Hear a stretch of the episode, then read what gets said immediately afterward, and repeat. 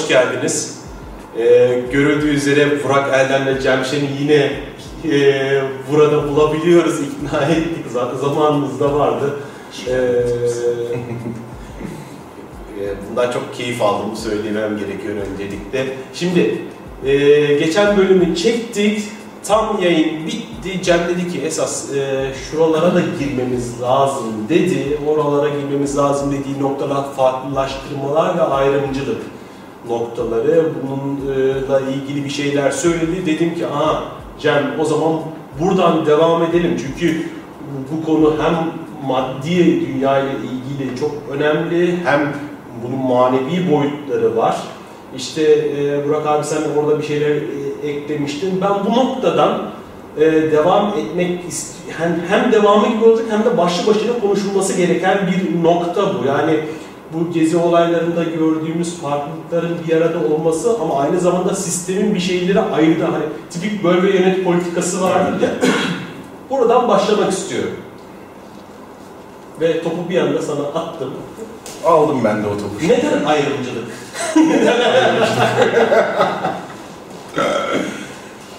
yönetenlerin, muktedirlerin çok sevdiği bir şey bir kere. Çünkü o demin söylediğim böl ve yönet hikayesi en iyi stratejilerden bir tanesidir. Sana karşı muhalif bir takım güçler vardır. Bir araya geldikleri, bir arada durdukları takdirde, momentumları da birleştiği takdirde senin için bir tehdit oluşturabilirler. O zaman onları mümkün olduğu kadar birbirinden ayrı birbirlerine karşıt birbirleriyle çatışan güçler ya da gruplar haline getirmek işine gelecektir. Eğer e, yönetimi istediğin gibi sürdürmek ya da ipleri elinde tutmak istiyorsan. Bunun için e, kain olmaya da gerek yok. E, tarihe baktığımız zaman birçok yerde bunun örneklerine rastlıyoruz. Türkiye'de bir istisnası değil tabii ki. Türkiye'de de yıllardan beri, on yıllardan beri, hatta aslında iyice gidelim, yüzyıllardan beri e, geçerli olan yöntemlerden bir tanesi. Ama diğer yandan bir de toplumun kendi kültür dağarcığı içinde e, yaşayan, e, yine uzun süreler boyunca değişik kanallardan beslenmiş, güçlendirilmiş ayrımcılık duyguları var. Mesela e, bütün o söylenen hani biz işte e, bütün inançların birleştiği, bütün şeylerin, kültürlerin birleştiği topraklarda yaşıyoruz sözleri samimiyetten uzak çünkü e, bizim coğrafyamız üzerinde ayrımcılık yüzyıllardan beri çok net bir şekilde uygulanıyor.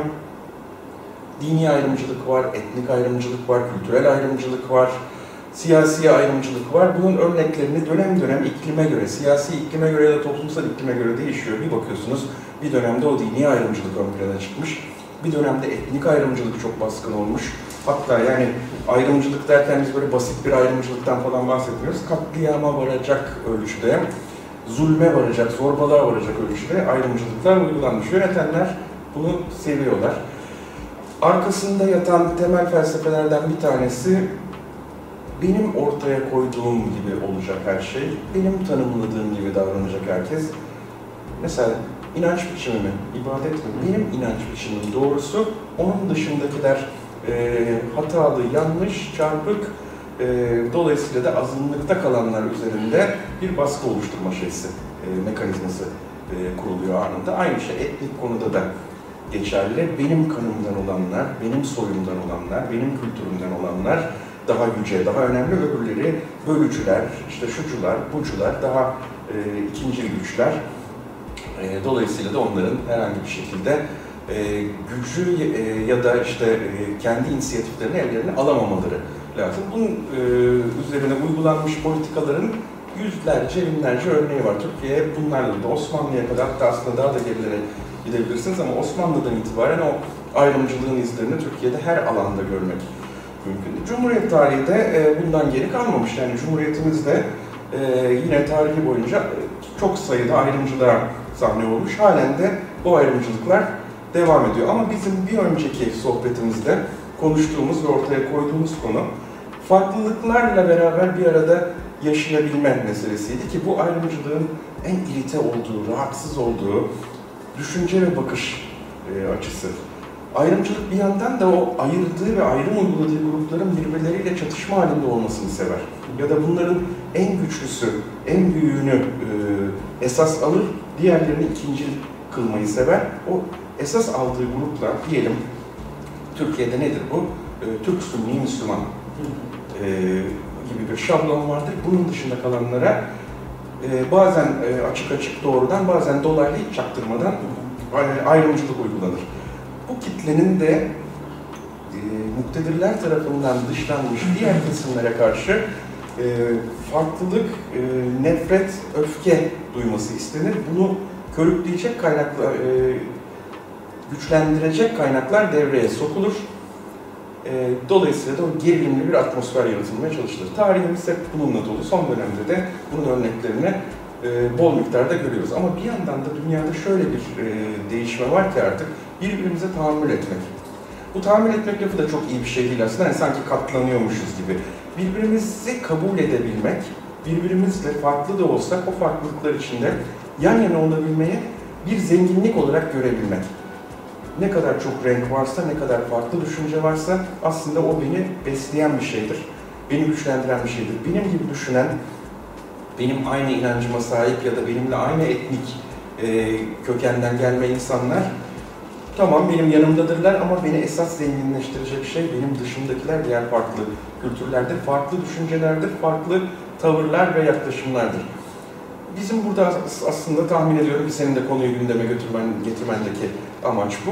Bu farklılıkların bir arada e, yaşayıp yaşayamayacağı ya da bunun e, bu yolda adımlar atılıp atılamayacağı, bunun işaretlerinin görülüp görülmeyeceği konusunu herhalde konuşacağız. Ben bir girişi e, yapmış olayım ama tarihimizde gerçekten e, Osmanlı'dan itibaren var. Bu ayrımcılıklar siyasi iktidarlar tarafından da bol miktarda kullanılmış. Hatta bazen devletin resmi ideolojisi haline gelmiş e, ayrımcılıklar var. Gezi bunların kırıldığı noktalardan bir tanesiydi. Az önce kendi aramızda da e, konuşurken bunun örneklerine değiniyorduk. Normal koşullar altında Gezi'nin birkaç gün öncesinde yan yana bile gele, gelemeyecekleri düşünülen insanlar, gruplar orada bir arada omuz omuzaydılar. Yiyeceklerini paylaştılar. Birinin gözüne gaz sıkıldığında öbürü limonla gitti yardım etmeye dayanıştılar. Bir arada oldular ve yanılmıyorsam sen, sen vermiştin örneği. Birileri namaz kılarken e, öbürleri başında e, nöbet bekledi, onları korumaya aldı falan gibi. Çok görmeye alışık olmadığımız tablolar çıktı ortaya.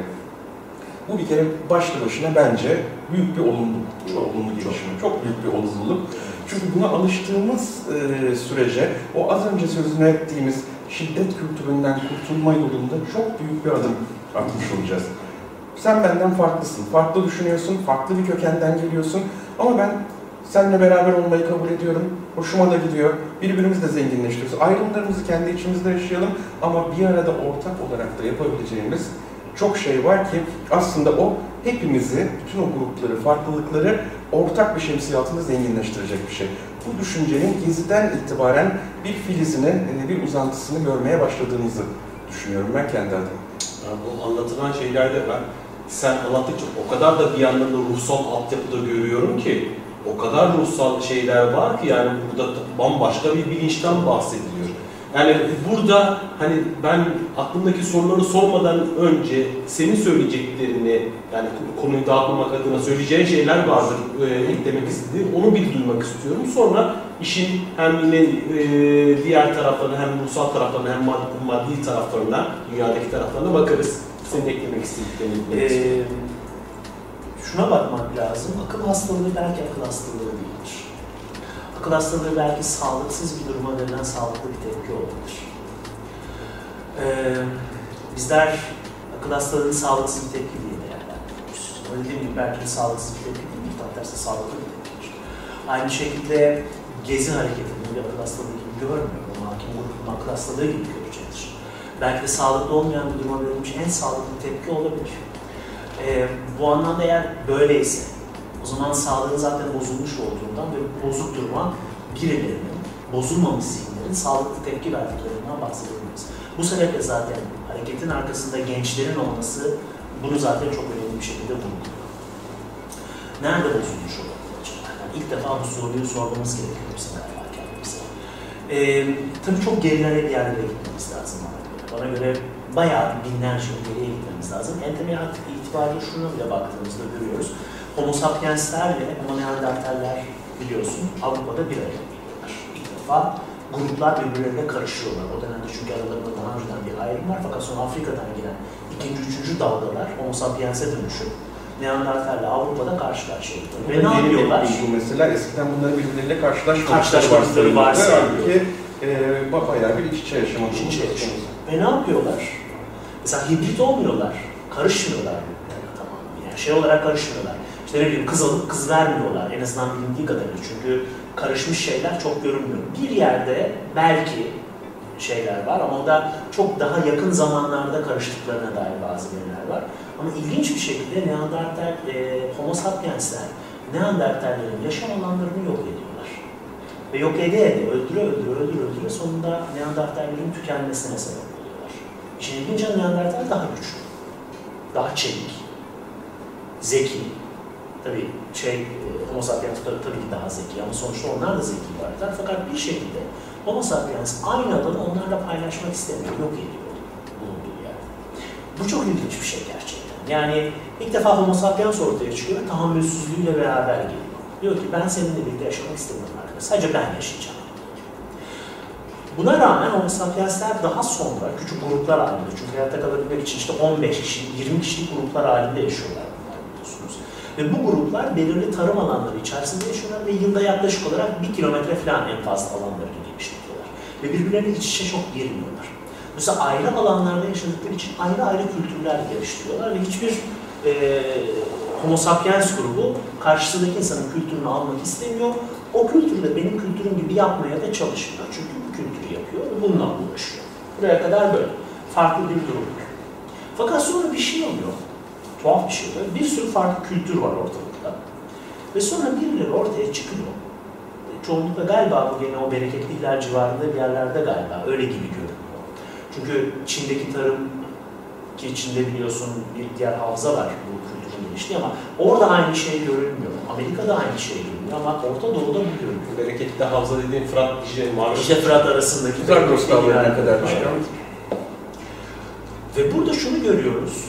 Tuhaf bir şekilde benim gibi yaşa baskısı başlıyor karşı tarafta. Burası burada bir yerde zannediyorum delirdiğimiz nokta. Yani kültürel açıdan, antropolojik açıdan delirdiğimiz nokta burada bir yerde başlıyor galiba. Dolayısıyla da bugün mesela işte tahammül etmeliyiz, hala bu delirmiş aklının bir uzantısı olarak çıkılacak. Oysa tahammül etmemizi gerektiren bir durum yok. Tam tersine şunu kavramamız gerekiyor ki aynılaştıkça yok oluyoruz. Farklılaştıkça hayatta kalıyoruz. En temelde bunun anlaşılması gerekiyor. Çünkü herhangi bir yerde hayatın devamlı hayatın çeşitliliğine bağlıdır. Aynılık yok olmayı beraberinde getirir. Dolayısıyla ana bir kültür, baskın bir kültür, diğer kültürlerin tamamını yok ettikten sonra bir tek olası sonuçla karşı karşıya kalabilir, yokmuş. Bunun başka hiçbir ihtimali yok. Bir kültür diğer kültürleri hazmedip kendi içine kattıktan sonra kendisi yok olmak zorundadır. Tek başına kalıp tamam şimdi ben her şeye hakim oldum artık ben var olabilirim diyemez. Bu onun sonucunu getirir, sonunu getirir. Mesela bugün olan şey, binlerce yıldır buraya kadar geldiğimizde olan şey e, özellikle globalizmle, son işte kaç yıldır globalizm, 20 yıldır mı, 30 yıldır mı globalizmle belki 50 yıldır mı bilmiyorum. Yani nerede başlar, nereye kadar gider. Ama tabii köklerini çok gerilerde, işte dini ekollerle belki aramak lazım. Ama bugün geldiğimiz durumda hemen hemen dünyanın her yerindeki insanlar aynı. Ve bir fark yok. Ve gittikçe aynılaştırılmaya, yani sadece e, teknolojik anlamda aynı hayatları yaşamakla kalmıyoruz. Aynı tarz dizileri, aynı tarz filmleri, aynı tarz yarışma programlarını izlemekle kalmıyoruz. Aynı zamanda inançlar anlamında, fikirler anlamında da gittikçe aynılaştırılmaya başlıyoruz. Dolayısıyla ben ne kadar aynıysam, yani seninle aynıysam seni kontrol etmem o kadar kolaylaşıyor. O sebeple de farklılığa tahammül edemiyorum. Böyle bir durum. Fakat gördüğünüz gibi bu bir bilinç krizi. Yani ortada ekonomik kriz değil bahsettiğimiz kriz. Ekolojik kriz de değil bahsettiğimiz kriz. Bildiğiniz anlamda bir bilinç kriziyle karşı karşıyayız. Bu kelimenin en hafif haliyle delirme halinden başka bir şey değil. Farklılığa tahammül etmek zorunda olduğumuzu zannetmek bile bir delirme hali. Tam tersine farklılık bizi ayakta tutuyor. Tahammül etmeyeceğiz biz. Farklılığı destekleyeceğiz. Sen ben senin gibi olayım dediğinde aman aman sen kendin gibi ol diyeceğiz. Yani bu o kadar önemli ki. Bu ne anlama geliyor? İşte atıyorum ben e, doğu öğretileri çalışırken sen bana geldiğinde ben sana şunu diyebilmeliyim. Atıyorum sen diyelim ki İslam çalışıyorsun. Aman İslam çalışmayı söylüyor. İyi bir yoldur diyebilmeyi gerektiriyor. İşte bu adam sosyalizme inanıyorsa ki sen bunu yap, bu iyi bir şey diyebilmeyi gerektiriyor. Çünkü onun varlığıyla ben inandığım şeyde var olabilirim aslına bakarsanız. Dolayısıyla bu farklılıklar beni var eder. Ama bir şekilde işte o beni sosyalist yaparsa, ben onu kapitalist yaparsam, sen beni İslam yaparsan, ben seni Budist yaparsam vesaire olursa herkes aynılaştığı zaman öyle bir noktaya geliyoruz ki artık varlığımızı devam ettiremez hale geliyoruz. O nedenle de çeşitlilik gerçekten ama gerçekten var olabilmek için en önemli unsurlardan bir tanesi. O sebeple e, bir yerde bir yanlış anlaşılma sebebiyle aynılaştırma başlıyor. Farklı olan şeye tahammül edememeye başlıyor. Ve günümüzde benim için özellikle Gezi hareketini bu kadar değerli hale getiren şeylerden bir tanesi aynılaşmaya meydan okumak. Çünkü biliyorsunuz bir eğitim sistemi var ve eğitim sistemi de müfredattan oluşuyor. Bu müfredata baktığımızda dünyanın neresindeki müfredat olursa olsun, üç aşağı beş yukarı aynı mantığa bir şey sahip. Farkındaysanız okul hayatı, eğitim hayatı dediğimiz şey daha sonraki şirket yapısına hazırlıktan başka bir şey değil. Müdürün yerine ne bileyim, öğretmenin yerine müdür alır. İşte bilmem nenin yerine e, insan kaynaklarının atadığı başarı kriterleri alır. Performans değerlendirme alır notlarını. Dolayısıyla okulda yaptığımız şeyi şirketlerde yapar hale geliriz. Bu nedenle eğitim sistemi açıkçası bizi içinde yaşanamayacak bir topluma yaşamak üzere ikna etmek üzere vardır. Dolayısıyla bizi koşullandırmak için vardır bu sistem. Ve tümüyle aynılaştırılmak üzere biz bu eğitimi alıyoruz. Şimdi özgürlük ilizyonu o kadar tuhaf bir ilizyon ki üç tane karşımıza seçenek veriliyor. Ve bu üç seçenekten bir tanesini seçme özgürlüğüne sahip olduğumuzu zannedip, sahip olduğumuz bize söylendiğinde biz kendimizi özgür zannediyoruz. Şimdi şunu söyleyeyim. Hangi birimiz çocuklarımızı bu eğitim sisteminden uzak tutabiliriz? Böyle okutmayacağım ben çocuğu. Ben çok samimi olmak gerekirse ben şu anki eğitim sistemine hiçbir şekilde inanmıyorum. Ben eğer çocuklara eğitim versem bir defa dünya tarihini çocuklara. Eğlenceli bir şekilde. Dinozorlardan başlarım, nereye gitmiş. Bir macera romanı anlatır gibi çocuklara dünya tarihini anlatırım. Sonra çok eğlenceli bir şekilde matematiği öğretirim.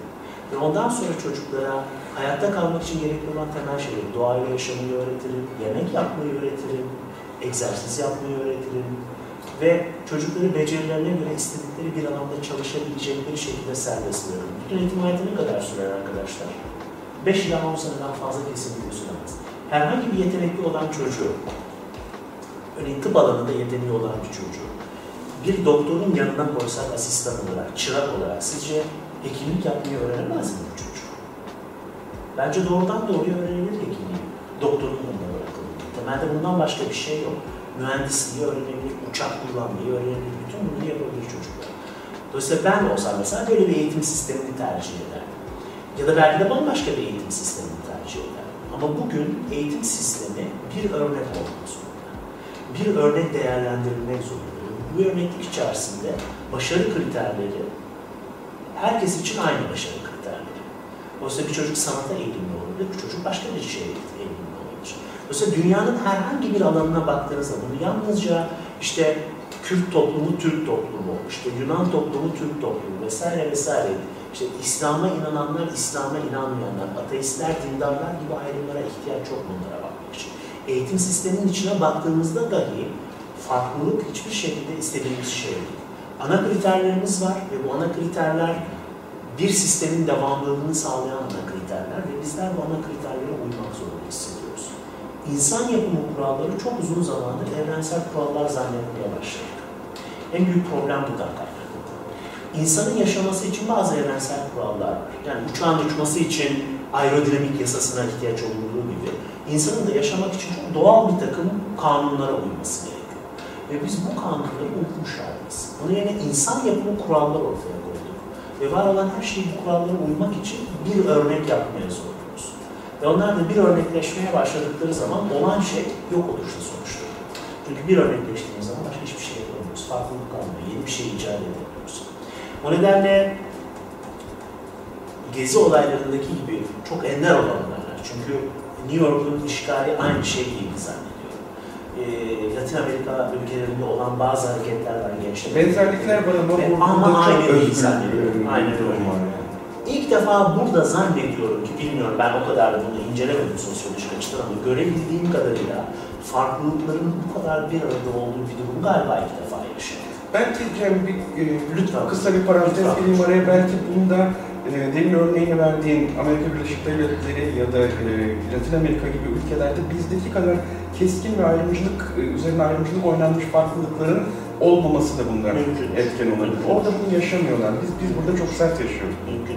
Bir de orada tabii e, tırnak içinde söyleyeyim sorun olarak gördükleri şey atıyorum işte ekonomik durumdu vesaire bunlardı. Bu- bu- Bizde ise gerçekten hayat- çok hayatın yaşamsal. ilgiliydi yani.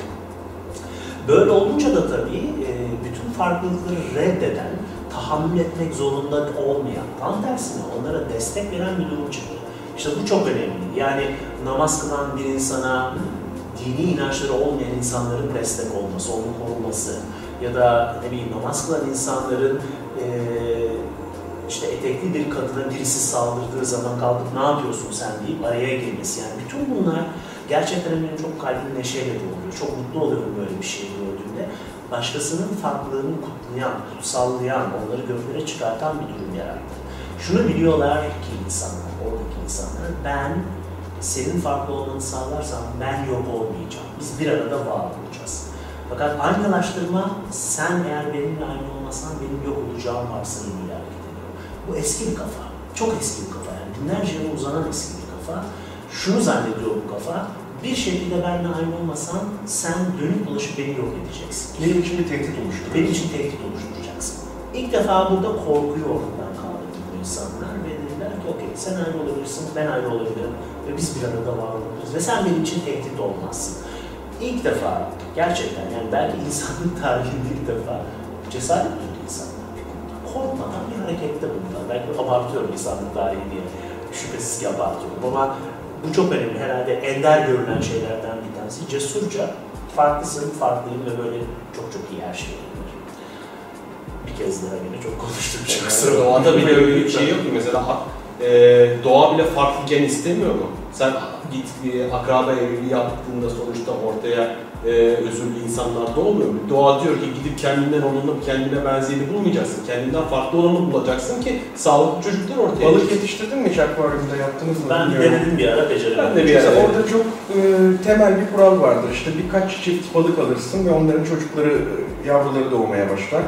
E, bir nesil büyür. İkinci nesilden itibaren akvaryuma yeni başka bir yerden balık eklemen lazım. E, aksi takdirde soy bozuluyor, dejenere oluyor.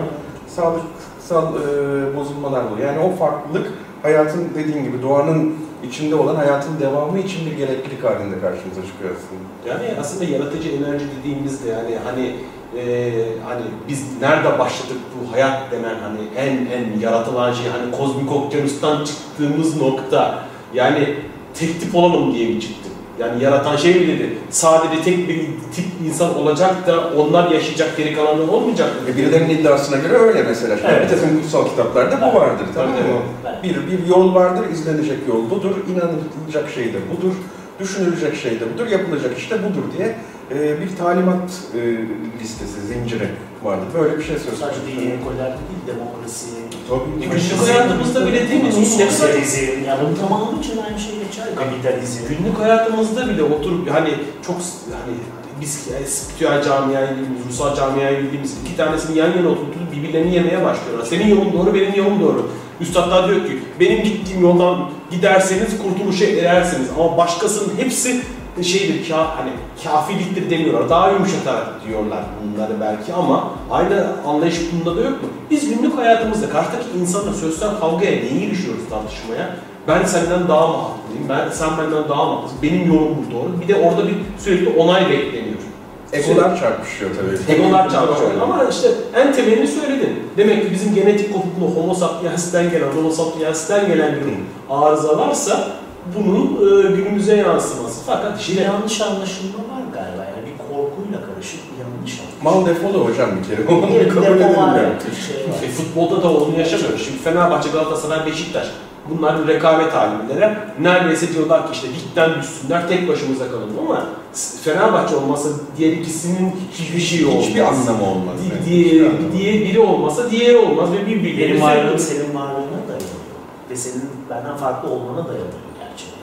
Yani bakış açısında bir, bir farklılığa ihtiyaç var ama insan eliyle olmaz. Yani doğanın bunu başarması gerekiyor. Doğal süreçlerin bunu başarması gerekiyor doğadan kastım.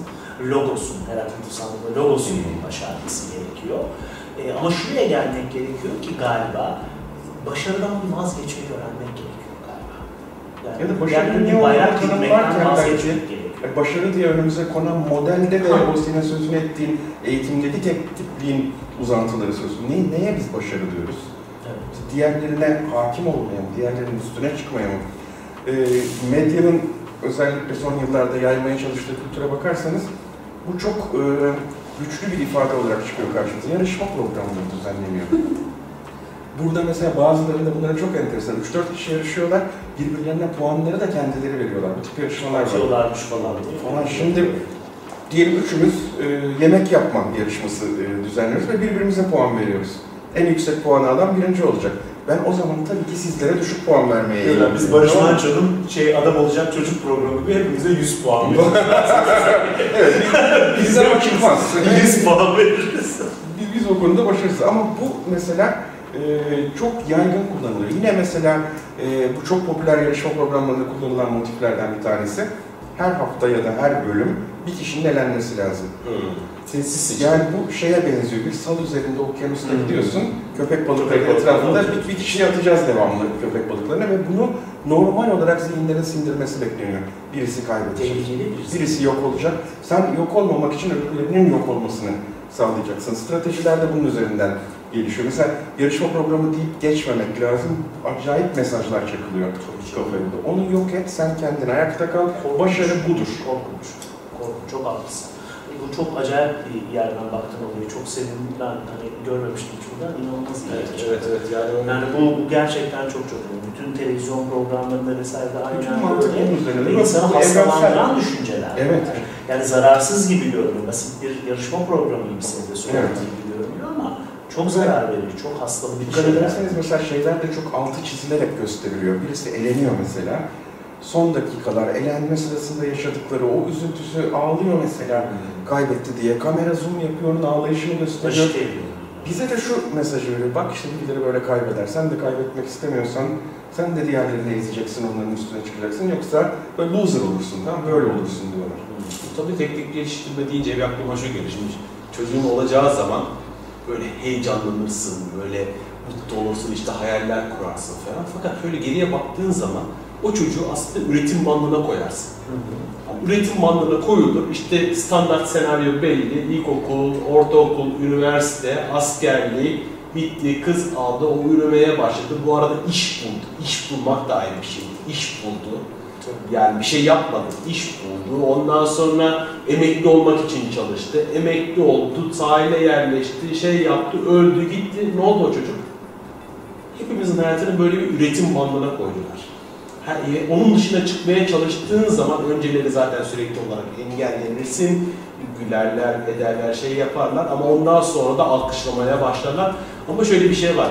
Mesela ben kendi arkadaşlarımda yaşadım. Kendi arkadaşlarımda gördüm. Mesela çok yaratıcı, çok yetenekli arkadaşlarım vardı. Halen de varlar gerçi bu arada. Ee, ve hepsi bir şirkette girdi.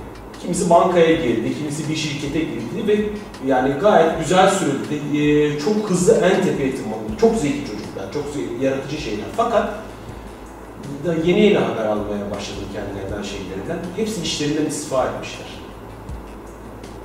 Yaratıcı enerji su gibi diye, diye düşünüyorum ben.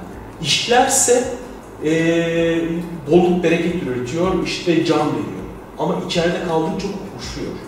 Ve bu kariyer yaparken o içeride duran yaratıcı enerji kokuşmaya başlıyor. Ve bir süre sonra artık dayanamaz hale geliyorsun. Çünkü bir şeyi yaratması lazım, yapması lazım ama her sabah aynı şeyi yapıyorsun. Yukarıda bir patronun eee, ne bileyim Miami'de daha büyük bir yazlık alabilmesi için ya da ev alabilmesi için tüm ömrünü geçiriyorsun.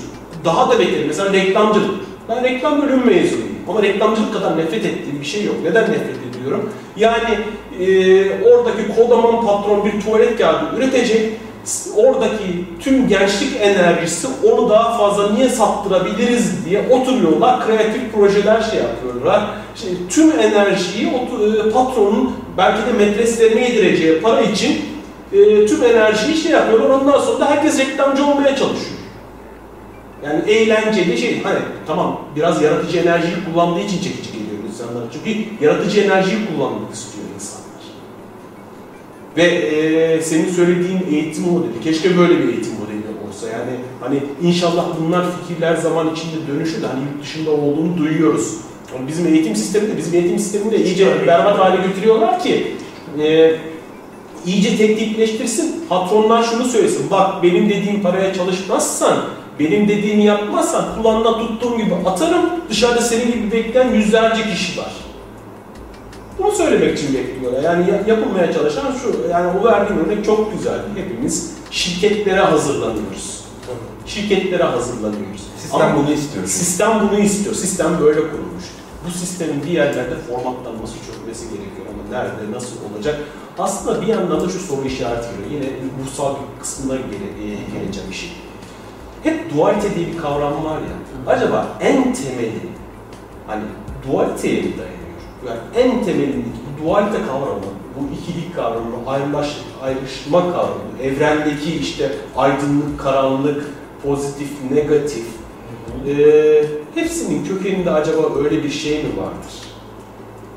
Hani Yani sen Diyalektik e, iki yönünde ha, diyalektik felsefede de bir arada olduğunu gösterir. Her şey karşıtıyla beraber vardır, her şey karşıtına dönüşür. Bu dönüşüm sonsuz e, süreç içinde devam eder. Ama e, doğada ya da dualite dediğin kavramın içinde e, senin bulunduğun yarıdan dışta kalanı dışlamak ya da onu olumsuzlamak yoktur. O, sen Kendini yok. aydınlık tarafta görüyorsan kendine o karanlığın da var olması gerektiğini Yin bilirsin yang ki- işareti en Yin basit yani. Yin yang işareti ama yani şeylerde bile kafa çok karışık. Yani kendini aydınlatıcı, aydınlık veya aydınlatıcı görenlerde bile çok karışık. Çünkü karanlıkla savaşlarla yazıyor. Karanlıkla savaşmalıyız. Ama şimdi ya- yani yin yangın siyahında mı olmak zorundasın, beyazında mı olmak durumundasın yoksa hepsini birden Yani eski Niye olamıyorsun? Niye her yani yin ve yang bir arada yaşamıyor? Aydınlık ve karanlık bir arada yaşamıyor?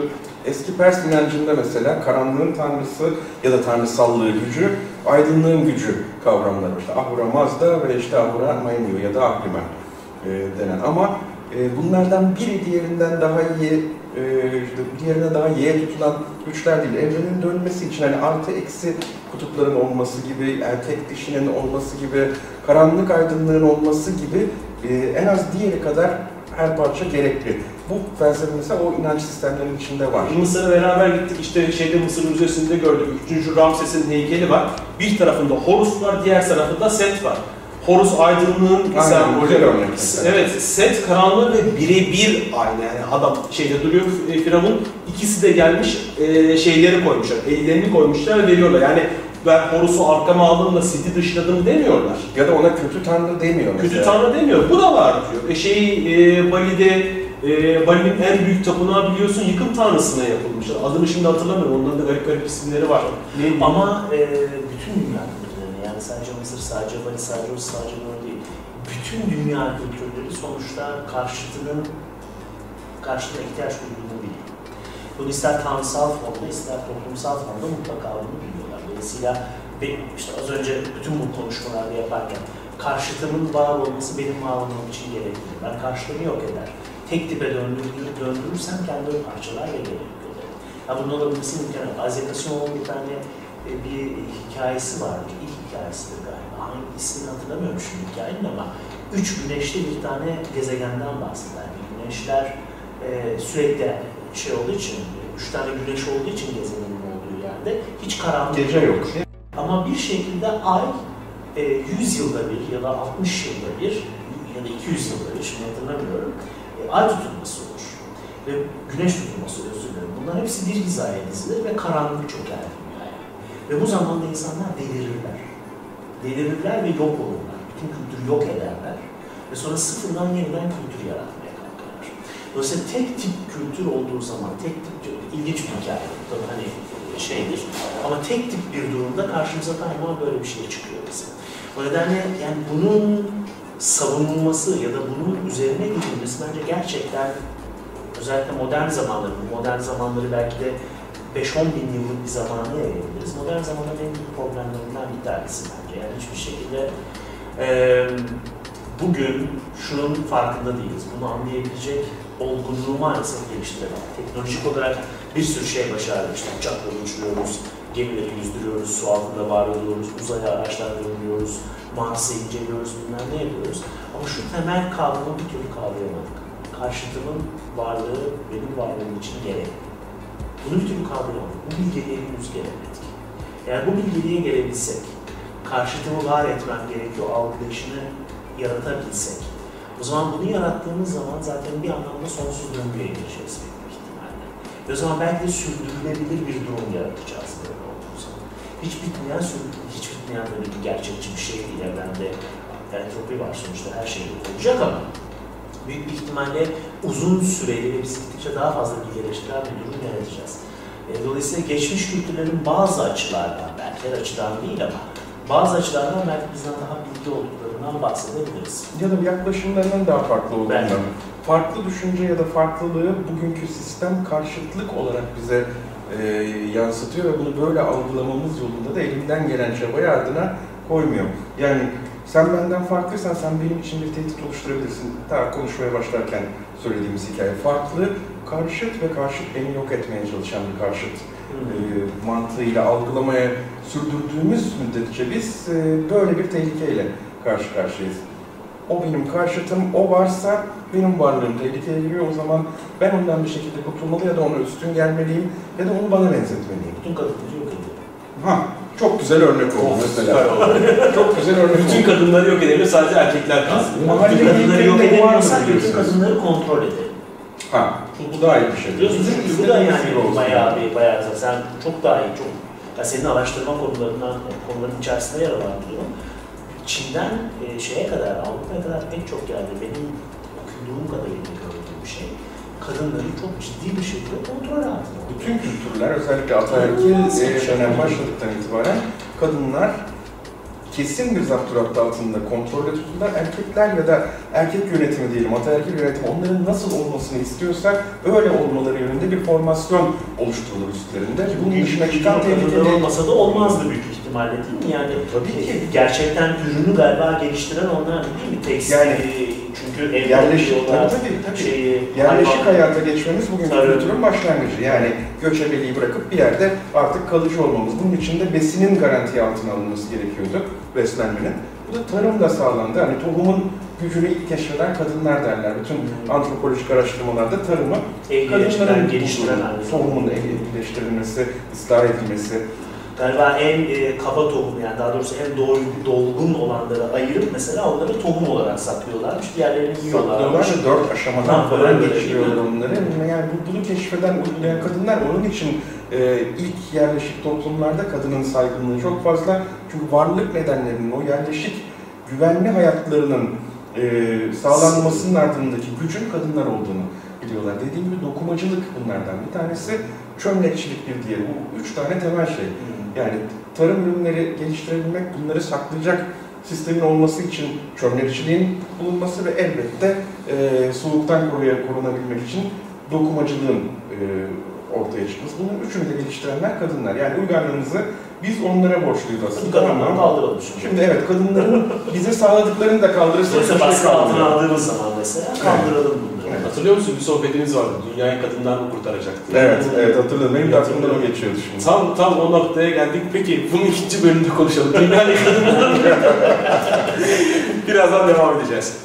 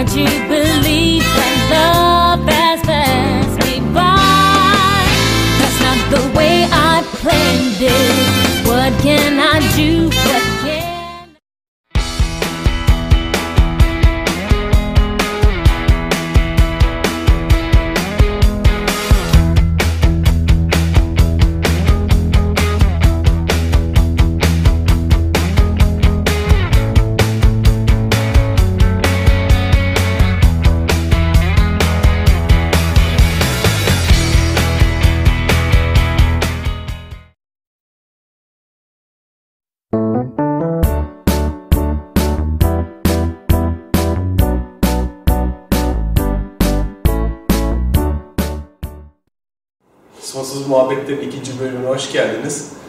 Konumuz kadınlarda kalmıştı. Kadınların sonunda bir neşeli neşeli güzel güzel muhabbetlerimiz dönüyor. Ama tabii burada e, şunu da göz ardı etmemek gerekiyor galiba. Hani son dönemlerde bir dişil enerjinin uyanışı da söz konusu.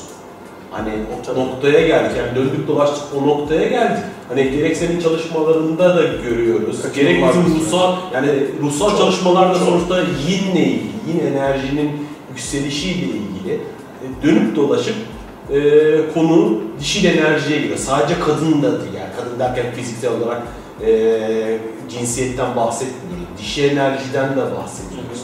Belki bu farklılaştırmayı yaratan nasıl e, ilkel toplumlardan işte şeylerden yerleşik düzene düşerken e, e, Dönüşürken kadınlar devreye girdiyse diyorsun. devreye girdiyse belki de şu anda birlikte yaşamanın e, farklılıkların birlikte yaşamasının formülü de dişi enerjide ve kadınlarda gizlidir. Ben kesinlikle ona güveniyorum. Aslında hani hazır e, böyle girmişken bir sazı alayım ben. E, izleyenlerin de kafasını karıştırmalarını ayrımcılıkla başlamıştık ve çok güzel bir yere geldi. Çünkü e, ayrımcılık dendiğinde en sert ayrımcılığa uğrayan e, gruplardan bir tanesi de kadınlardır ki bu e, uygarlığımızın bildiğimiz son 5000 yıllık e, dönemine uzanan bir şey. Kadına uygulanan ayrımcılık bugün aradan bunca bin yıllar geçmiş ve modernleştiğimizi tırnak içinde sandığımız bir dünyada bile bütün hızıyla sürüyor. Neyi iddia ediyorlar mesela? Eskiye göre durum çok farklı. Kadınlar artık e, yükseliyorlar, başarılı oluyorlar, kariyerleri şöyle oluyor, böyle oluyor. Ve onlar da toplum içinde etkili, önemli yerlere gelebiliyorlar. Mesela ne oluyorlar? Başbakan olabiliyorlar, bakan olabiliyorlar, fakülte dekanı oluyorlar, üniversite rektörü oluyorlar. Dolayısıyla bu ayrımcılık e, artık eskisi gibi geçerli değildir şeklinde bir argüman var ki bu temelinden yanlış, külliyen yanlış. O belli noktaya geldi dedikleri kadınlar, gelmesine izin verilen kadınlar, nasıl izin verilen kadınlar? Erkek sistemi içinde erkek gibi davrandığı için oraya gelebilen kadınlar. Yoksa kendi kadın e, varlığıyla, kadın yaklaşımıyla ya da senin demin söylediğin o dişil enerjinin yönlendirmesiyle hareket eden kadınlar değil, onların önü cart diye kesiliyor. Ama yine mesela bir önceki sohbetimizden de e, aldığımız topu buraya hemen ortalayarak devam edelim. Gezi'den bahsetmiştik. Gezi'nin e, ciddi bir dönüşüm, bir milat olduğundan söz etmiştik. Gezi'de benim en çok dikkatimi çeken şeylerden biri ön planda kadınların olmasıydı. Sembolleri zaten kadın olmadı. Hep tabii yani kırmızılı kadın mesela sembolü ama ben e, direniş boyunca da gördüğüm o bütün resimlerin içinde kadınlar hep ön plandaydı. Yani şey gibi değildi şimdi eskiden 70'li yıllarda da kadınları, genç kızları görürdük e, eylemlerde ama böyle erkek hani ona kol kanat gerer, onun yanındadır, ona yardımcıdır falan gibi e, bir izlenim uyandırırdı insanlarda. Şimdiki hiç öyle değil. Gezi'de kadınlar baya baya liderliği bile almışlardı. Yani e, işi yönlendiren konumlardaydılar. En azından verdikleri görüntü buydu. Ben bunu çok önemli buluyorum. Çünkü hani dedim ya dişil enerji uyanıyor mu bir şeyler, değişiyor mu, dünyayı kadınlar mı kurtaracak konuşmamıza göndermede bulundum mesela. Bence hani tam da kilit bir noktaya gelmişiz. Ayrımcılıktan başladık. Kendine ayrımcılık uygulanan, bin yıllardır ayrımcılık uygulanan önemli bir kesim yani toplumun yarısı, belki yarısından çoğu e, kadın cinsiyeti yavaş yavaş belki de tıpkı hani e, yerleşik yaşama geçmemizde inisiyatif alıp duruma el koyması gibi belki yine öyle bir hareketin arifesinde e, bu da beni çok sevindirir mesela böyle bir gelişimin olması. Evet. eee ya birkaç açıdan da benim çok ilgimi çekiyor bu kadınların durumu. Ee, Bir tanesi eee bir tanesi de biz üçümüz bir araya geldiğimizde konunun dönüp dolaşıp kadınlara geldik. İlgimi çeken konulardan. Bu kaçınılmaz bir kader oldu. En son için yani. 10 dakika sonra. Bundan hemen bir adım sonra tabii ki e, günümüzdeki bu hani benim delilik diye adlandırdığım bir şeyleri biz yanlış anlıyoruz. Dolayısıyla aslında bizim bilincimizle alakalı bir kriz var, bir, e, bir bozulma var dediğim nokta gerçekten kadına zulümle, kadına baskıyla yani kadın ruhunun kontrol altına alınması, zapturapt altına alınmasıyla birlikte geliyor galiba. E, ve gittikçe bugüne doğru yaklaştıkça engellenemez bir şey açığa çıkmaya başlıyor. Biliyorsunuz 1900'lerin başlarında işte İngiltere'de özellikle e, kadın hareketi ilk defa ciddi bir şekilde ayağa kalktı ve işte etek giyme özgürlüğü ya da etek boyları ya da çamaşırlarla alakalı bir takım şeylerle, hareketlerle, bir takım özgürlük istekleriyle başlıyor. Ondan sonra kadın oy kullanmak istiyor. Hatta dalga geçiyor. Kadın nasıl oy kullansın artık, daha neler falan. Eski köye yeni adet falan diye başlıyor. Ve bu dönemde tabii siyasi anlamda Atatürk'ü savunanlar ve savunmayanlar diye her ne kadar ülkemiz ikiye ayrıldıysa da ben Atatürk'ün pek çok şeyini seven bir insan olarak onun kadınları temel alması ve kadınlara şey vermesi, e, seçme seçilme hakkı e, vermesi ve onun dışında kadınla erkeği eş konuma getirmek için çabalaması mesela beni çok etkileyen iki özelliğinden bir tanesidir. Bir tanesi budur yani kadınları göklere çıkartmasıdır. İkincisi de eğitimde eğitimi ön plana çıkartması ve mesela çok etkileyen konulardan bir tanesidir. E, fakat bu zamana kadar geldiğimizde Atatürk'ün yaptığı bu şeyin ne kadar başarılı olduğu tartışmalıdır. Şu sebeple özellikle tartışmalıdır. Bizim kadınlarımız çok fazla savunup şey yapmadılar. Kadının haklarını kendileri savaşarak elde ettiler. Mücadele ederek sunuldu. şey Evet, onlara sunuldu. Onlara sunulduğu için de maalesef galiba yakın bir zamana kadar bunu çok takdir edemediler kadınlar. Ama galiba e, 70'li yıllar sonrasında zannediyorum yavaş yavaş bunu takdir etmeye başladılar ve bunu galiba tekrar yeniden şimdi ele geçirmenin bir yolunu bulmaya başladılar kadınlar. Benim görebildiğim kadarıyla kadınlar pek çok açıdan e, erkeklerin yapamadığı alanlara hakim. Ve dolayısıyla da bizim kadınlara herhangi bir üstünlüğümüz yok birincisi. Bu bir gerçek. Ve kadın zihninde bizim asla ulaşamayacağımız başka bir ayrıntı var. Ben savaş sanatları çalıştığım yıllarda bunu görmüştüm.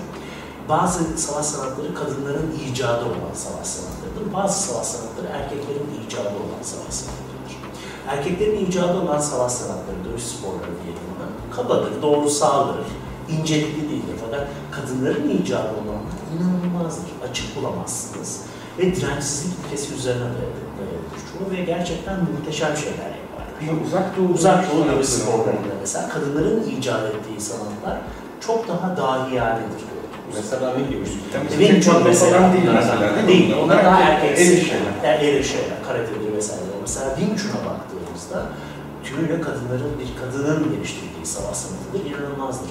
İşte Naginata dediğimiz e, bir tür kılıçla yapılan, yani ev aletleriyle yapılan savaş sanatları vardır. İnanılmazdır gerçekten. Kadın zihninin ne kadar incelikli, ne kadar dirençsiz ve ne kadar yenilemez olduğunu görürsünüz. Ee, erkek zihni kabadır, böyledir. Bunun gibidir. Buna vurursunuz ve kırarsınız. Kadın zihni ise elinde tuttuğu mendil gibi. İstediğiniz kadar yumruk atıp parçalayamazsınız bu zihni. İnanılmaz bir dirençsizliklerinden gelen gücü vardır. Aynen öyle. Yani doğanın şu an iyileşmek için ihtiyaç duyduğu güç böyle bir güç. Darbe vurulduğunda etkilenmeyecek, dönüşebilecek, Dağılmayan. güç, dağılmayan, bir arada kalan ama bunu da direnmeyerek başaran güç.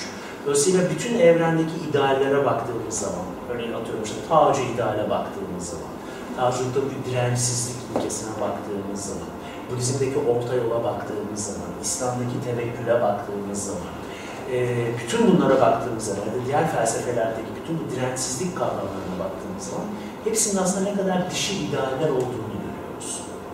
Bunun bir cinsiyet olarak Hasan senin de söylediğin gibi kadın olmakla ya da erkek olmakla alakası yok aslında bakarsan. Ve yine e, gözümü açtın çok teşekkür ederim. Toplumda ilerlemesine izin verilen kadınlar erkek gibi davranan kadınlar olma eğiliminde genelde. Çok haklısın gerçekten. Kadın kadın gibi davranarak toplumda ilerlemesi e. Geçenlerde Elif Brokovich böyle bir kadın vardı. Onunla ilgili bir film vardı. Julia Robertson. Çok güzel bir film. Geçenlerde gördüm.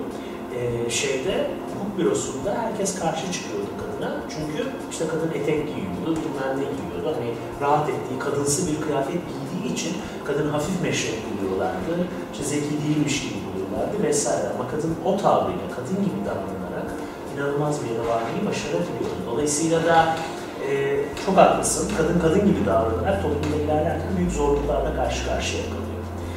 E, o nedenle e, sen devam et diye sana bırakacağız. Her zaman çok uzun konuşuyorum çünkü. E, şu var ki kadınlardaki dirençsizlik kavramı, adapte olabilme, uyum sağlayabilme, esneyebilme kavramı beni büyülüyor.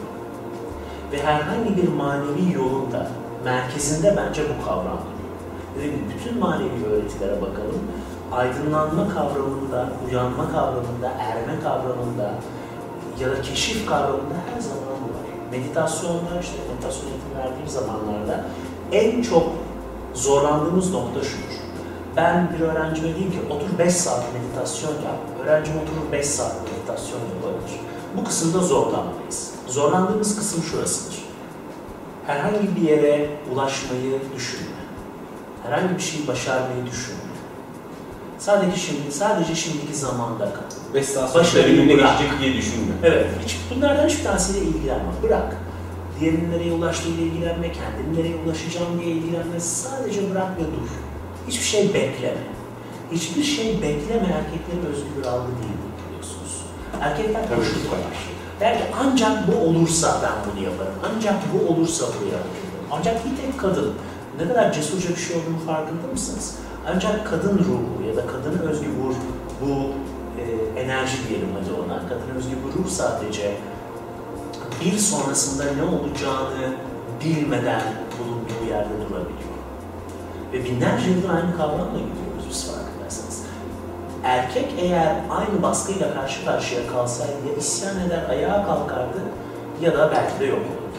Ama kadın bütün bu baskıya rağmen durduğu yerde durmayı sürdürüyor. Buna adapte olabilmeyi sürdürüyor. Beklentisizlik ve belirsizlikte delirmeden, aklını kaçırmadan, bütünlüğünü koruyarak kalmayı başarabiliyor bir şekilde. Dolayısıyla da çok samimi olmak gerekirse benim şöyle bir algım var biz erkekler eğer bir kıyaslama yapılırsa, kıyaslamayı doğru bulmuyorum ama bir kıyaslama yapılırsa kadına göre daha zayıf varlıklarız. Ve kendimizi daha güçlü varlıklar zannediyoruz. Evet, evet. Ve kadının gücünden öğreneceğimiz o şeyinden, o beklentisizliğinden, o cesaretinden öğreneceğimiz çok şey var. Mesela aynen Hasan şu an ihtiyaç duyduğumuz şey bu ve galiba bu gelişiyor. Bu cesaret, bu beklentisizlik, bu e, korkusuzluk galiba gelişmeye başlıyor. Ya e, tabii bu noktada dirençsizlik kavramı biraz bir anda soru işareti yaratıyor. Ee, çok algılayamıyorum. Terimsel, terminolojik olarak benim de kafama aynı şey takıldı. Hani Cem'e onu biraz daha açalım diye ben de bir yönlendirme Yani- yapacaktım. Çünkü hani geziden meziden bahsediyoruz. Diline, Direnmekten- diline, kazanacağız diye gezi şey yaparlar ya. direnme anlamına gelen bir dirençsizlik değil bu. Onu Değil. bir açmamız herhalde. Değil. Yani direnmemekte şöyle bir şey var. Eğer e, eğer yola sağ taraftan gitmem gerekiyorsa sol taraftan gideceğim diye direnmem. Sağ taraftan gidelim. Rüzgar yelken yapanlarımız oldu. Ben yelken yapmadım ama çok ilginç bir şey var. Hep merak ediyordum. Yelken yapan arkadaşlarımla birlikte yelkene çıktığımız zamanlarda rüzgar mesela bir yönden eser ve bizi başka bir yöne doğru savurur. Ama onlar hedefleri gitmek istedikleri yer bambaşka bir yerdir. Fakat onlar kendilerini başka bir yere savunan rüzgara karşı bir yere gitmezler. O rüzgarı kullanarak bir yere giderler. Yani temelde rüzgara direnmezler. Rüzgara şekli alırlar. Direnmemek burada durur. Rüzgarla uyum içinde hareket eder ve yine gidecekleri yere giderler. Kadın ruhu anlamındaki dirensizlikte böyle bir şey var. Biz erkekler şunu yapıyoruz. Rüzgar kuzeyden esiyor ve biz bizi dolayısıyla güneye doğru savuruyor. Biz itinayla kuzeye doğru gitmeye çalışıyoruz. Kadın zihni ise böyle değildir. Kadın zihni güneye gidip güneyden dolaşıp kuzeye geliyor. O nedenle kadın zihni bizim için bu kadar hep deriz ya ne kadar karmaşık, ne kadar tuhaf işiyor, ne kadar stratejik hatta. Kadının dirensizliğinde böyle bir şey vardır. Kadın o an burasını zorladığında, kadın, kadın derken bir kadından bahsetmiyorum. Kadın diye anlattığımız bu enerji türünden, bu algıdan bahsediyorum. Eğer o bu tarafa doğru, kuzey ne bileyim sağa doğru itiliyorsa ama gideceği yer solaysa sağa doğru kendini iten, iten gücü gene buraya gitmek için kullanabiliyor. Erkeklerse bu güce karşı hareket ediyorlar Ve buraya geldiklerinde eriyerek Doğanın içinde var olmak için ihtiyacınız olan şey de bu zaten. Aynen bu işte. Yani dolayısıyla dirençsizlik burada böyle bir dirençsizlik. Yoksa o hedefe doğru yürümemek, o hedefe yürümekten vazgeçmek değil. Sadece doğa bana ne verdiyse direnmeden bu koşulları kullanarak gene aynı yere varmak. Koşullara karşı değil, koşullarla birlikte hareket ederek oraya. Peki bu şey aklıma geliyor. Şimdi bir örnek vereceğim. Ben judo yapmadım ama judoda da öyle bir şey var. Judoda seni birisi çekiyorsa sen ona çekmesine direnme. Bırak seni çeksin. Çektikten sonra zaten o gücünü boşalttığı için sen onu bunu yere çarpabilir misin gibi bir şey var. Ben yapmadığım için sen daha iyi biliyorsun. Gezme kaçtı. Evet eyvallah. Ee, ama bir yandan da şu soru hemen aklıma geliyor. Direkt hani protestolarla ilgili bir şey. Sen şimdi orada e, meydandasın. İşte e, şeylerini var oluyorsun, sloganlarını şey yapıyorsun. Orada işte e, bir güç geliyor diyor ki hayır bunu gösteriyi yapamazsın. İşte buradan dağılman gerekiyor. Yani gitmen gerekiyor. Ve bunu fiziksel şiddet kullanarak da gerçekleştiriyor. Fiziksel şiddet olarak. Orada mesela bu dirensizlik Geziden çıkartıldığında insanlar, Gezi Parkı'ndan çıkartıldığında nerede direndiler? Her yere gezi yaptılar değil mi? Slogan neydi? Her yer geziydi değil mi? Her yer Taksim, her yer direniş. İşte sana direnç, dirençsizlik. Erkek zihni illa orada olmak ister. Evet. Orada olduğu zaman çatışma çıkartır. Yani ben orada söyle, mesela şunu söyledim diye çok eleştiri aldım şeyde. Gezi eylemleri sırasında. Polisi de anlamak gerekiyor dedim diye çok yakın arkadaşlarım ben- benimle kavgalı hale geldiler. Bunu anlatırken şunu söyledim. Şunu anlatmaya çalıştım. Onların bakış açısından, onların gözünden görmeden onları bu kadar kolay eleştirdim. Ben polisin ya da herhangi bir hakim grubun yaptığı şeyi göklere çıkartmıyorum. Hele bu durumda çıkarılacak Tabii, tabii. zaten. Ama onların gözünden onları görmek zorundasınız ki anlayabilirsiniz. Öfke duyarak, şiddet duyarak, onları kötü yaparak bu durumun içerisinde çıkıp çıkmanın bir yolu yoktur. Dolayısıyla öfke duyduğum zaman ben bir şeye, şiddet gösterme. Ama anlayış geliştirdiğimde buna tahammül etmem, tahammülü doğru anlamda kullanmıyorum, tahammül etmem kolaylaşır. Erkek zihni böyle değil. Erkek zihni orada durup, dediğim gibi, mesela gezide durmak ister erkek zihni. Gezi parkında durmak ister. Mesela geziyi doldurabilir gibi. Orada işte polis de yapacak bir şey yok diyelim ki diye düşünün. Onlar da onları bombalarlar. Bilmem neler olur. Burada ölenler, yaralananlar vesaire. Ki oldu öyle. Oldu da zaten. Ama daha sonra ne oldu? Burada bulunamazsınız dendiğinde, burası tümüyle elinizden alındığında, Gezi Parkı'nı kaybettik artık. Dolayısıyla şimdi savaşı kaybettik, bu bir savaş değil ama mücadeleyi kaybettik diye mi düşünüyor insanlar? Yani tam tersine yeni başlıyor orada. Ve her yere yaydılar. Yani tıpkı şey gibi hattı müdafaa yoktur, satı müdafaa vardır mantığında olduğu gibi. Eğer sen tek bir noktayı ele geçirmek üzere kafaya takarsan, sadece burada durmak istersen bu erkek zihnidir. Ama buradan atıldığında başka bir yerde devam edersen bu direnmemektir, bu kadın zihnidir daha çok. Dolayısıyla düştüğün zaman kalkabilmektir aynı zamanda. Mendil örneği çok güzel ya. Yani istediğin kadar şey yap. Mendil parçalanmaz. Ama mermer parçalanır. Mendil parçalanır. Sertlikte böyle bir şey var. Dolayısıyla dediğim gibi buradaki asıl dirençsizlik biz hep öyle düşünürüz çünkü. Ee, şeyde de böyledir o. Ee, ne bileyim işte savaş sanatları yaparken judo örneğinde olduğu gibi. Judo örneğinde eğer erkeksi bir kafayla judo yapıyorsan, ben Namık Ekin'e, Türkiye'nin en judo hocalarından bir tanesi bayağı bir zaman judo çalıştım. Çocukluk yıllarında, gençlik yıllarında. Temel şunun üzerine kuruldu.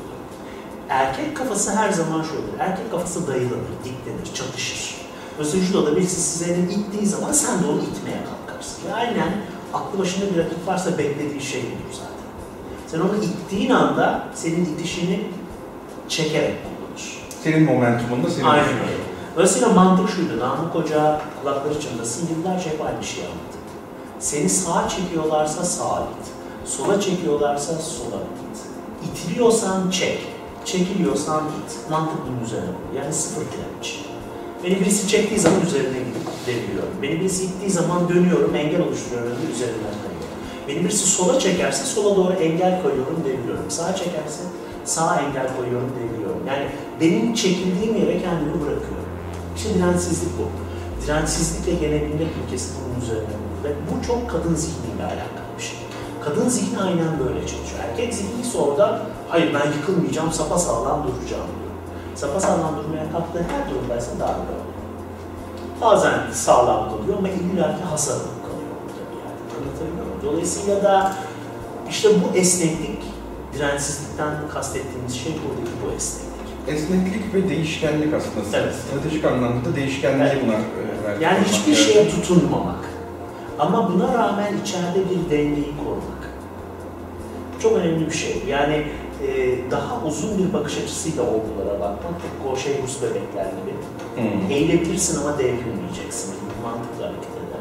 Böyle bir dirençsizliği vardır kadın zihninin. Onun içinde dedim ki burayı kaybedebilirsin, burayı kaybedebilirsin ama bir şey fark etmiyor. Sen hala yolunda hareket ediyorsun. Sola çekildiğim zaman bir problem yoktur. Sağa çekilmeye çalışmam. Sola çekiliyorumdur. Peki sola gideriz birlikte. Ve ben dengeliyimdir, onun dengesi bozulur. Niye? E çünkü o kadar heveslidir ki benim direnmeye. Ben size o kadar, benim direnmemi o kadar bekler ki ben size direnmediğim zaman onun üzerine doğru giderim. Dolayısıyla John Lennon'ın söylediği o e, söz, sistem önce sizi öfkelendirmeye çalışır. Kendisi öyle değildir. Saldırmadan korkuyordur. Çünkü biliyorsunuz saldırma daima korkmayla birlikte gelir. Korkmasa saldırmazlar sisteme yani bir şekilde. Ve eğer siz öfkeye çekilirseniz, sizi öfkelendirmeyi başarırsa kazanır. Ama siz mizaha başvurduğunuzda, şiddetsizliğe başvurduğunuzda bu sistemin bilmediği bir şeydir. Yapacak bir şey de bulamıyor. Evet. Yani teslimiyet aracılığıyla direnen bir şeyi yenmek, ilk başta bizim anlayamadığımız bir. Çok zor ne saçmalıyorsun? Evet. Ama bu başarabildiğimiz bir kavram. Mesela gezi olaylarında bunu gördük. Şiddet uygulanmadı hiçbir şekilde, şiddetten uzak duruldu ve illa orası olsun denmedi. Bir anda her yere yayıldı. Kaç şehirde olaylar cereyan İki şehir hepsinde. Neredeyse 60-70 tane şehirde Peki buradan- e, konunun sınırları içinde kalmak adına e, bu sözünü ettiğin kadın davranış biçimi ya da dişi enerji ya da kadının e, yaklaşımı meselesi toplumsal hareketlilikler içinde ne kadar öne çıkarsa ve ne kadar ağırlık kazanırsa aslında değişim konusunda da şansımız o derece artar ya da mücadele gücümüz o kadar artar diyebilir miyiz? Şimdi aklıma takılan şey bu oluyor mesela. Bence öyle ama işte şeyde de bildiğin gibi sen işte Mısır'dan vesaireden de bildiğimiz gibi bence tek bir gücün hakimiyeti hiçbir zaman yanlış ifade Yok tek bir gücün değil Mesela sadece kadın modeli de değil. kadın e, modeli. Çünkü Kadın modeli çok önemli. Şimdi demin konuştuğumuz şey erkeğin davranış biçiminin kırılmaya elverişli olduğu diklenmek e, nedeniyle kadın davranış biçimi ise esneklikle e, duruma uyum sağlayıp yine şartları kendi lehine kullanmaya el verdiği yönündeydi ya. Dolayısıyla eğer böyle bir değişimi bekliyorsak burada kadın düşünce biçiminin ve kadın enerjisinin öne çıkması bir avantaj olarak toplumsal değişimi hızlandırır mı, itici güç olabilir Benim kanaatimce öyle. geliyor ki böyle bir beklenti içinde olmamızda haklı kılacak şeyler var diye düşünüyorum. Özellikle Gezi'de kadınların gerçekten belki de o senin verdiğin mendil örneğine benzer davranışlar sergilediler. İşte o önlü kırmızılı kadın meselesinde olduğu gibi suratına gaz sıkılırken gülümseyerek durabilen ya da e, Dans ettiler. dans edenler ya da kitap okudular. Yani kendilerine gaz atanlara kitap okudular mesela. Ee, belki hani kadın enerjisi, dişil enerji harekete derken, ha, ya da duran Yani adam ne kadar bir direnç gibi görünse de çocuk hiçbir şey yapmadı sonuçta. Yani zaten doğal bir hakkını yaptı. Hep de sen mesela- Nasıl tutuklayabilirsin ki? Yıllarca bana mesela Cem'le konuştuğumuz zaman hep e, şey yaptığı zaman şey dedi. Önce dur. Önce dur. Ya Cem şunu nasıl yaparım? Önce dur. Önce dur. Önce dur. En sonunda adam durdu. Duran adam. Tam durdu yani. Ve şey peki şimdi e, senin fraternesinde de olsun, Sakkı tarihi üçlemesinde de olsun tamamen aslında sen bir dişil enerjili insanlık tarihi boyundaki e, yolculuğunu e, e, inceledin. Hani e, dal, az önce şeyi konuşuyorduk bu arada. Hani e, hani geliyor böyle e, dalga Hmm. yükseliyor, dalga alçalıyor. Şimdi bundan sonra hani, e, bugüne kadar insanlık tarihinde hani kadın enerjisi baskı altına alındığı şeyi alındı ama bundan sonrasında galiba böyle bir çıkış hep beraber gözleriz diye düşünüyorum. Gözleyeceğiz diye düşünüyorum. Gidişat öyle gösteriyor değil mi? Yani veriler şu anda çok net bir şey söylememize izin vermiyor ama senin demin söylediğin gibi ben o Saklı Tarih dizisi boyunca o üç kitaplık çalışmada aslında tarihteki çok önemli kırılma noktalarından e, biri üzerinde e, dönüp durdum ve sürekli e, eksene ana odak noktasına onu çıkarttım. Orada kadının e, statüsünün düşürülmesi, kadınla beraber dişiliğin, dişil enerjinin ve tabii ki onun inanç sistemindeki yansıması olan tanrıçaların statülerini kaybedip onun yerine eril değerlerin, şiddetin, gücün, baskının, erkekliğin e, gelmesi. Sınıflı toplumu da bu yarattı. Farklılaşmayı da, savaşları da, e, sertliği de, şiddeti de e, körükleyen bu oldu. Bu nasıl bir tarihten bahsediyoruz? 5500, 6000 yıllık bir tarihten bahsediyoruz belki yaklaşık.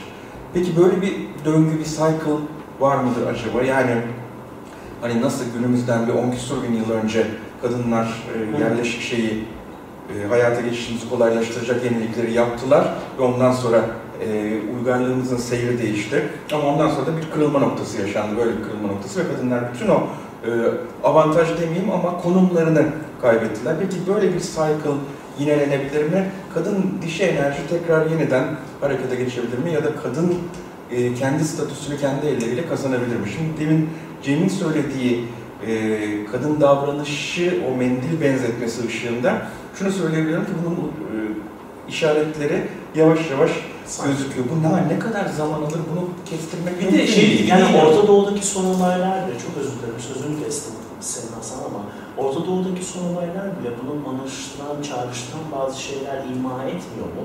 Yani İran'la savaşın eşiğinden tabii ki siyasi bir şeyler var ama İran'la savaşın eşiğinden dönülüp e, işin birdenbire şeye dönmesi, müzakerelere dönmesi. İşte şeyde Suriye'de bildiğim kadarıyla şimdi İngiltere'nin ve e, şeyin Amerika'nın muhaliflere silah vermek yerine silah vermekten vazgeçen müzakerelerin yolunu açmaları. Yani pek çok yerde direkt savaştan hafif hafif ele tek çekilmeye başladı. Çünkü bu hiçbir şekilde şu anlama gelmiyor.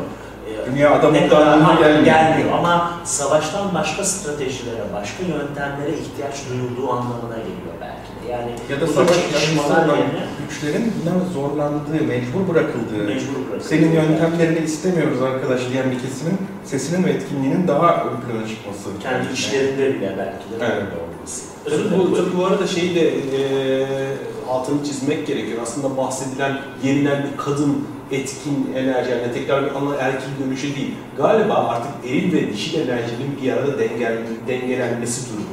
Yani hani başlangıçta söz ettiğimiz karşıtların bir arada yaşaması aynı zamanda eril ve dişil enerjinin bütünlenmesinden e, kaynaklanan bir durum. Yani yin ve yangın bir araya gelmesinden kaynaklanıyor. Yoksa işte bir zamanlar e, kadınlar e, kadına etkin toplum vardı, erkek enerji daha her Ama şeydi. işte- Şimdi şimdi erkek baskın, kadın aşağıda öyle değil. Tam dengelenmiş bir. Şimdi orada aslında şöyle bir yanlış anlama da var abi. Mesela anaerkil terimi çok yanıltıcı Hı. bir e, Onu terim. da- Aslında onun bir altını çizelim. Evet, onu Çünkü özellikle şimdi ataerkil toplum diyoruz. Erkeğin baskı, baskın olduğu, egemen güç olduğu ve kadını baskı altında tuttuğu toplum modeli. Bunu böyle konumlandırıp koyuyoruz ki olan da bu zaten. Bunun karşıtı bir terim olarak anaerkil sözcüğünü kullandığımızda zihinlerde başka bir çağrışım doğuyor. Kadının hakim olup erkeği zapturapt aslında altına yine de erkek zihni düşüncesi bu. Tabii tabii tabii. Yani onun, ha, o zaman da o demek ki kadınlar erkekleri eziyor falan. Ay, hiç ilgisi yok tabii bundan. Onun için antropologların çoğu anaerkil sözcüğünü kullanmamaya çalışıyorlar. Mesela e, matriarki yerine matrifokal, anne merkezli toplum diyorlar mesela. Gilani diye bir terim kullanılıyor. Kadının ve erkeğin eşit olduğu ama kadının statüsünün e, güçlü olduğu konumu daha doğrusu sa- saygınlığının yerinde olduğu konumu belirtmek için. Yani o sözünü ettiğimiz yerleşik topluma geçildiği dönemlerde kadınlar erkeklerden daha üstün değildi. Sadece birincisi temel e, eşitlik vardı, ikincisi üretimle ilgili ve inanç sistemiyle ilgili e, düzenlemeler kadınların eline bırakılıyordu. Çünkü bu işten onlar anlıyor. Yani o, o işi onlar biliyor, o işi onlar yapsınlar e, yolda bir saygı vardı. Biliyorsunuz abi siz, yapın durumu vardı. Şimdi tekrar ona dönüş e, gibi bir şey belki beklenebilir. Bir de şey var, iki şeye dikkat etmek gerekiyor benim gördüğüm kadarıyla. E, bütün dünya tarihinde e, her yerde e, erkek merkezli, erkek egemen bir toplum yaşamıyor. Erkek egemen bir dünyanın içerisinde kadın merkezli ya da tırnak tabii. kadın egemen toplumlar yaşanıyor.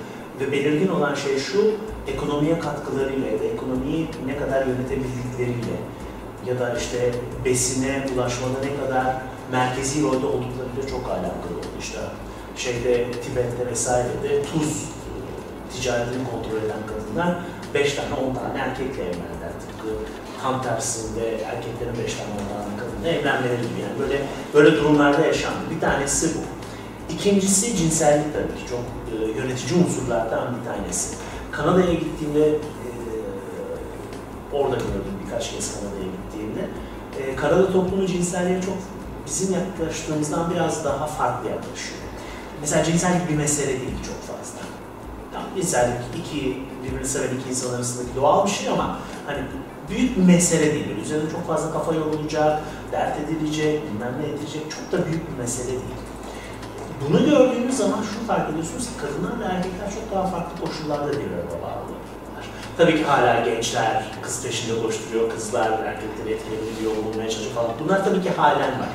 Ancak öte yandan tabu olmaktan çıkarılmasıyla birlikte cinselliğin kadın ve erkek birbirine eşitlenmeye, kadın ve erkek bir arada olabilmeye başlıyor. Bence bu çok kritik noktalardan bir tanesi. Cinsel devrim dolayısıyla. 50'lerde olmuştu yanlış hatırlamıyorsam değil mi? Cinsel devrim çok kritik unsurlardan bir tanesi. Kadın ruhunun, kadın enerjisinin bu kadar baskın hale gelmesi. İkincisi de ekonomide kadınların gücünün oluşmaya başlaması. Çünkü ekonomiye kadının katkısı ya da ekonomik değerlere sahip çıkabilmesi, ekonomik gücünü oluşturabilmesi kadının açıkçası toplum üzerindeki konumunu çok ciddi farklı bir hale getirmeye başlıyor. E, fakat bazı toplumlarda o sebeple kadınlar ekonomiden uzak tutulmaya başlıyor ve cinsellik hala bir tabu olarak kullanılıyor. Özellikle de e, ilk zaten kırılma noktasında herhangi bir toplumda, özellikle kapalı toplumlarda ben dikkat ediyorum. Her ne kadar bu çok söze dökülmese de ilk kırılma noktası cinsellik üzerinde anlatılıyor. Nitekim bizde de e, Türkiye'nin kapalı olan bölümlerinde en fazla işlenen suçların cinsel ağırlıklı suçlar olduğunu görüyoruz. Ve ne kadar toplum üzerindeki baskı arttırılırsa, dikkat ederseniz işte soygundur, bilmem nedir tarzı suçlardan çok cinsel temalı suçlarda inanılmaz bir artış var. Bu da zaten kadınla erkeğin ayrılması ve kadının baskı altına alınmasının bir sonucunda olacak. Özellikle de kadınlara yönelik şiddet meselesi. İnanılmaz Yani cinsellik ve şiddet yani inanılmaz bir şiddet ve cinsellik de. Zaten burada şunu görüyorsunuz ki artan bir kadın gücünün karşısında tahammülsüzlük ve şey var. Eski zihinlerin buna dayanamamaları var. Nasıl oldu bu? Valla tersi doğrusuna geldi derler ya galiba öyle oldu. Çünkü filmler, e, programlar, onlar bunlar, iletişim tümüyle eskiden ulaşılmayan noktalara gelmeye başladı. İşte köylere, oraya buraya her yere ulaşıyor. Zannediyorum ki kadınlar artık onlar için sadece e, annelerininki gibi bir yaşamı yaşamanın zorunluluk olmadığını anlıyorlar galiba. Bilmiyorum. Böyle bir şeyin doğru mu yanlış mı olduğu tartışmalıdır. Bunu, bunu tartışmıyorum. Yani e, atıyorum şehirli hayattaki yaşam köydeki hayattaki kadın yaşamından daha güzeldir, daha iyidir gibi bir şey tartışmıyorum. Ama sadece kadınlarda böyle bir soru işaretinin canlanmaya başladığını düşünüyorum. Bununla birlikte galiba kadınlar artık gittikçe ekonomiye çok daha güçlü bir şekilde ekonominin içerisinde var oluyorlar ve ekonomik özgürlüklerini gittikçe elde etmeye başlıyorlar. Ve bu gittikçe artacak gibi görünüyor. Ve inanılmaz bir hızla ilerliyor gibi görünüyor. Ve ekonomiyi yeterince, ekonomiye yeterince karıştıkları zaman büyük ihtimalle ekonominin çarklarında kadın fikirleri baskın. Ya da kadınlara özgü, kadın enerjisine özgü bir takım fikirler ekonominin içerisinde bence yer etmeye başlayacak. Kadın fikri malum besleme, beslenmeye, doyurma, koruma, kollama gibi duyguları içerecek. O nedenle kadın enerjisi ekonominin içine karıştığında büyük ihtimalle paylaşım ekonomisi diyebileceğimiz bir şeye doğru bir geçiş yapacağımızdan belki bahsedebiliriz. Belki oraya Kadın kadınlardan bahsediyoruz ama değil mi? Evet, Erkek kadınlardan bahsediyoruz. Aynen, aynı nokta yani. Ona keza cinsellik yani. Kadın. Margaret, rahmetli Margaret Thatcher'dan bahsetmiyoruz. bahsediyoruz. tabii ki, bahsediyoruz. Ee, ona keza zannediyorum ki cinsellik bir mesele olmaktan çıktığı zaman. Çünkü hala cinsellik inanılmaz bir tabu ve sanki hala e, kadınları önemli kılan tek şey sanki sahip oldukları cinsellik gibi algılanıyor. Oysa kadınlar cinselliklerin ötesinde başka şeylere sahipler. Cinsellik sadece kadının bir özelliği, erkeğin de bir özelliği cinsellik. Dolayısıyla artık kadınlara önem atfetmeyi ya da kadının değeri ya da kadının baskı altında alınması cinsellik üzerinden yapılmamalı. Yani bunun tümüyle serbest kalmasına ihtiyaç var. Ve bu engellenemiyor artık. Dünyanın her yerinde gelişiyor bu biliyorsunuz. Yani 50'lerden beri öyle büyük bir hızla gelişmeye başladı ki kadının cinsel özgürlüğü. Genel anlamda cinsel özgürlük. Dolayısıyla bu böyle devam ederse zannediyorum ki artık cinsellik bir mesele olmaktan önümüzdeki yüzyılda belki çıkmaya başlayacak. Bunun ortadan çıkılmasıyla birlikte inanılmaz bir rahatlama olacak. Kendi gençliğinizi düşünün arkadaşlar. Hani sen hala en gencimizsin ama kendi gençliğinizi düşünün. O zamanlar şimdiki kadar olgun değildik. Yani o zamanki eylemlerimizin ne kadar büyük bir kısmının cinsellik tarafından yönetildiğini düşün. Yani neredeyse aklımızın %99'u cinsellik tarafından yönetiliyordu.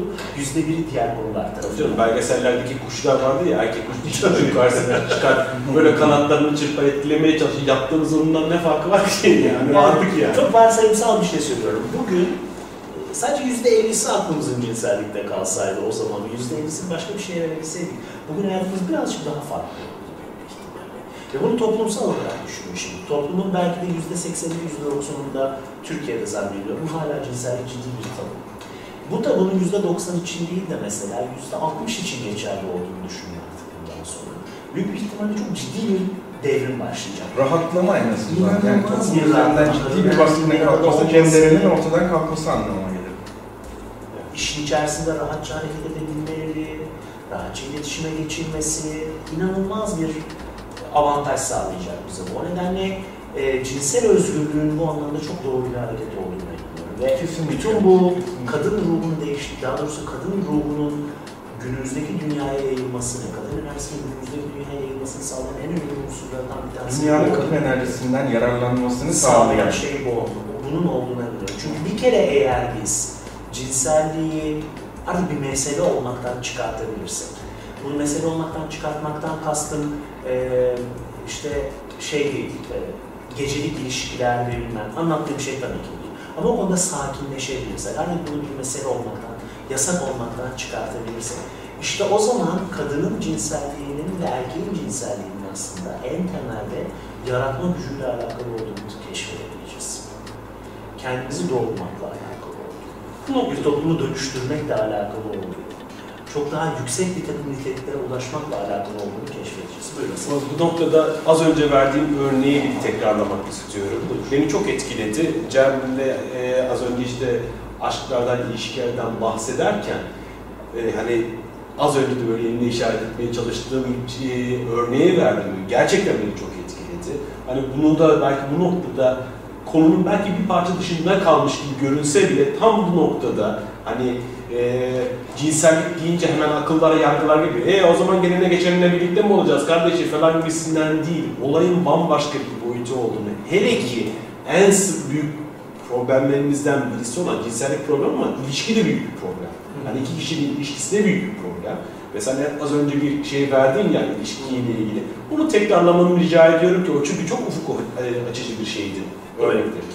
Yani tabii ki bunun olabilmesi için ilk başta cinselliği bir tabu olmaktan çıkartmak gerekiyor. Birinci şey. Ondan Cinsellik artık bizim için bir mesele olmaktan çıktıysa, bir tabu olmaktan çıktıysa ondan sonra şunu fark ediyoruz ki cinsellik tek başına içinde duygu olmadığı zaman bir anlam taşımıyor. Ancak duyguyla güzelleşiyor. Ee, ve ancak biz gerçekten duygusal anlamda bir paylaşımda bulunabildiğimiz zaman mutlu oluyoruz. Ama burada tabii şu korku var. İnsanlar şunu çok yaşıyorlar. İşte bir noktaya geliyorlar, e, aralarındaki cinsellik, duygusallık bir yüksekliğe geliyor, bir zirveye geliyor. E, Ve ondan sonra çok doğal olarak bir düşme başlıyor. Ve bu düşme noktasında insanlar şunu söylüyorlar. Diyorlar ki artık eskisi gibi değil, şimdi başka gerekiyor. Bu çok büyük bir yanılgı. Gerçek ilişkide mesele şu oluyor. Yükseliyorsun her şeyde oluyor çünkü diyalektik mantık bunu anlatıyor. Ve sonra bir düşme başlıyor.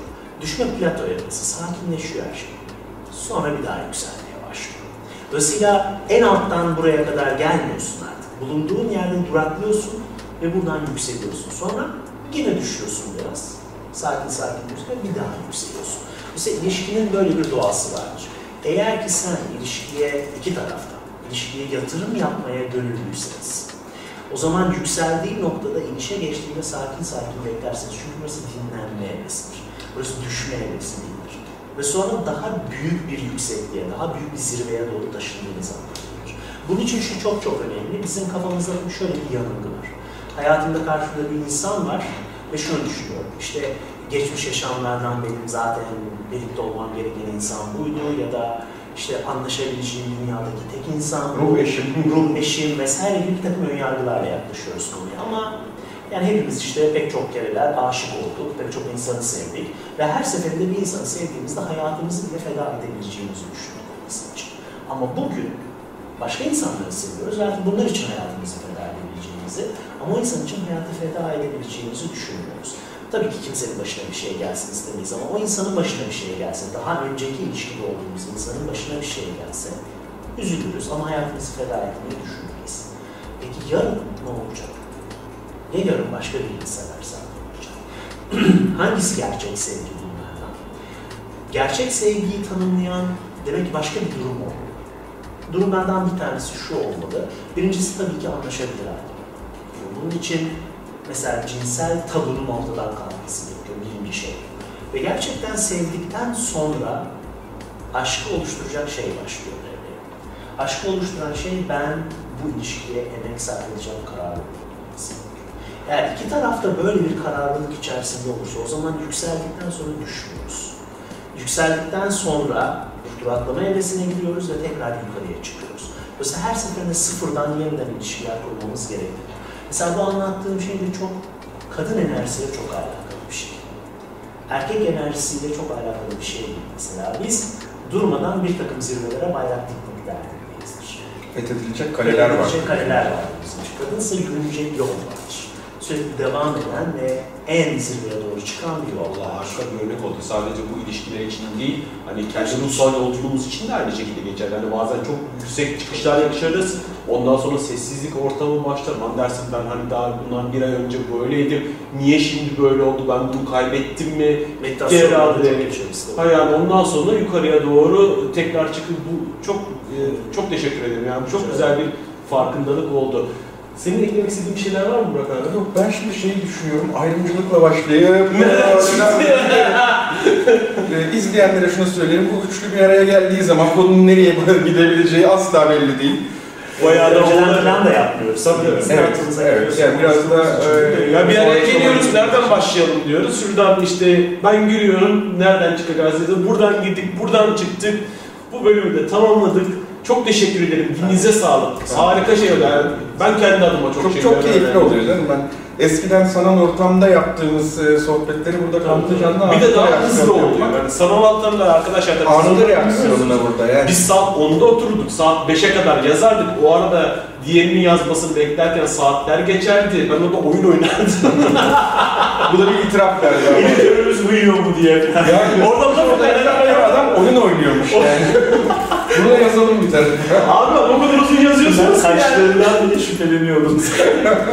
Çok teşekkürler. Sonsuz muhabbetlerin bir sonraki bölümünde buluşmak üzere.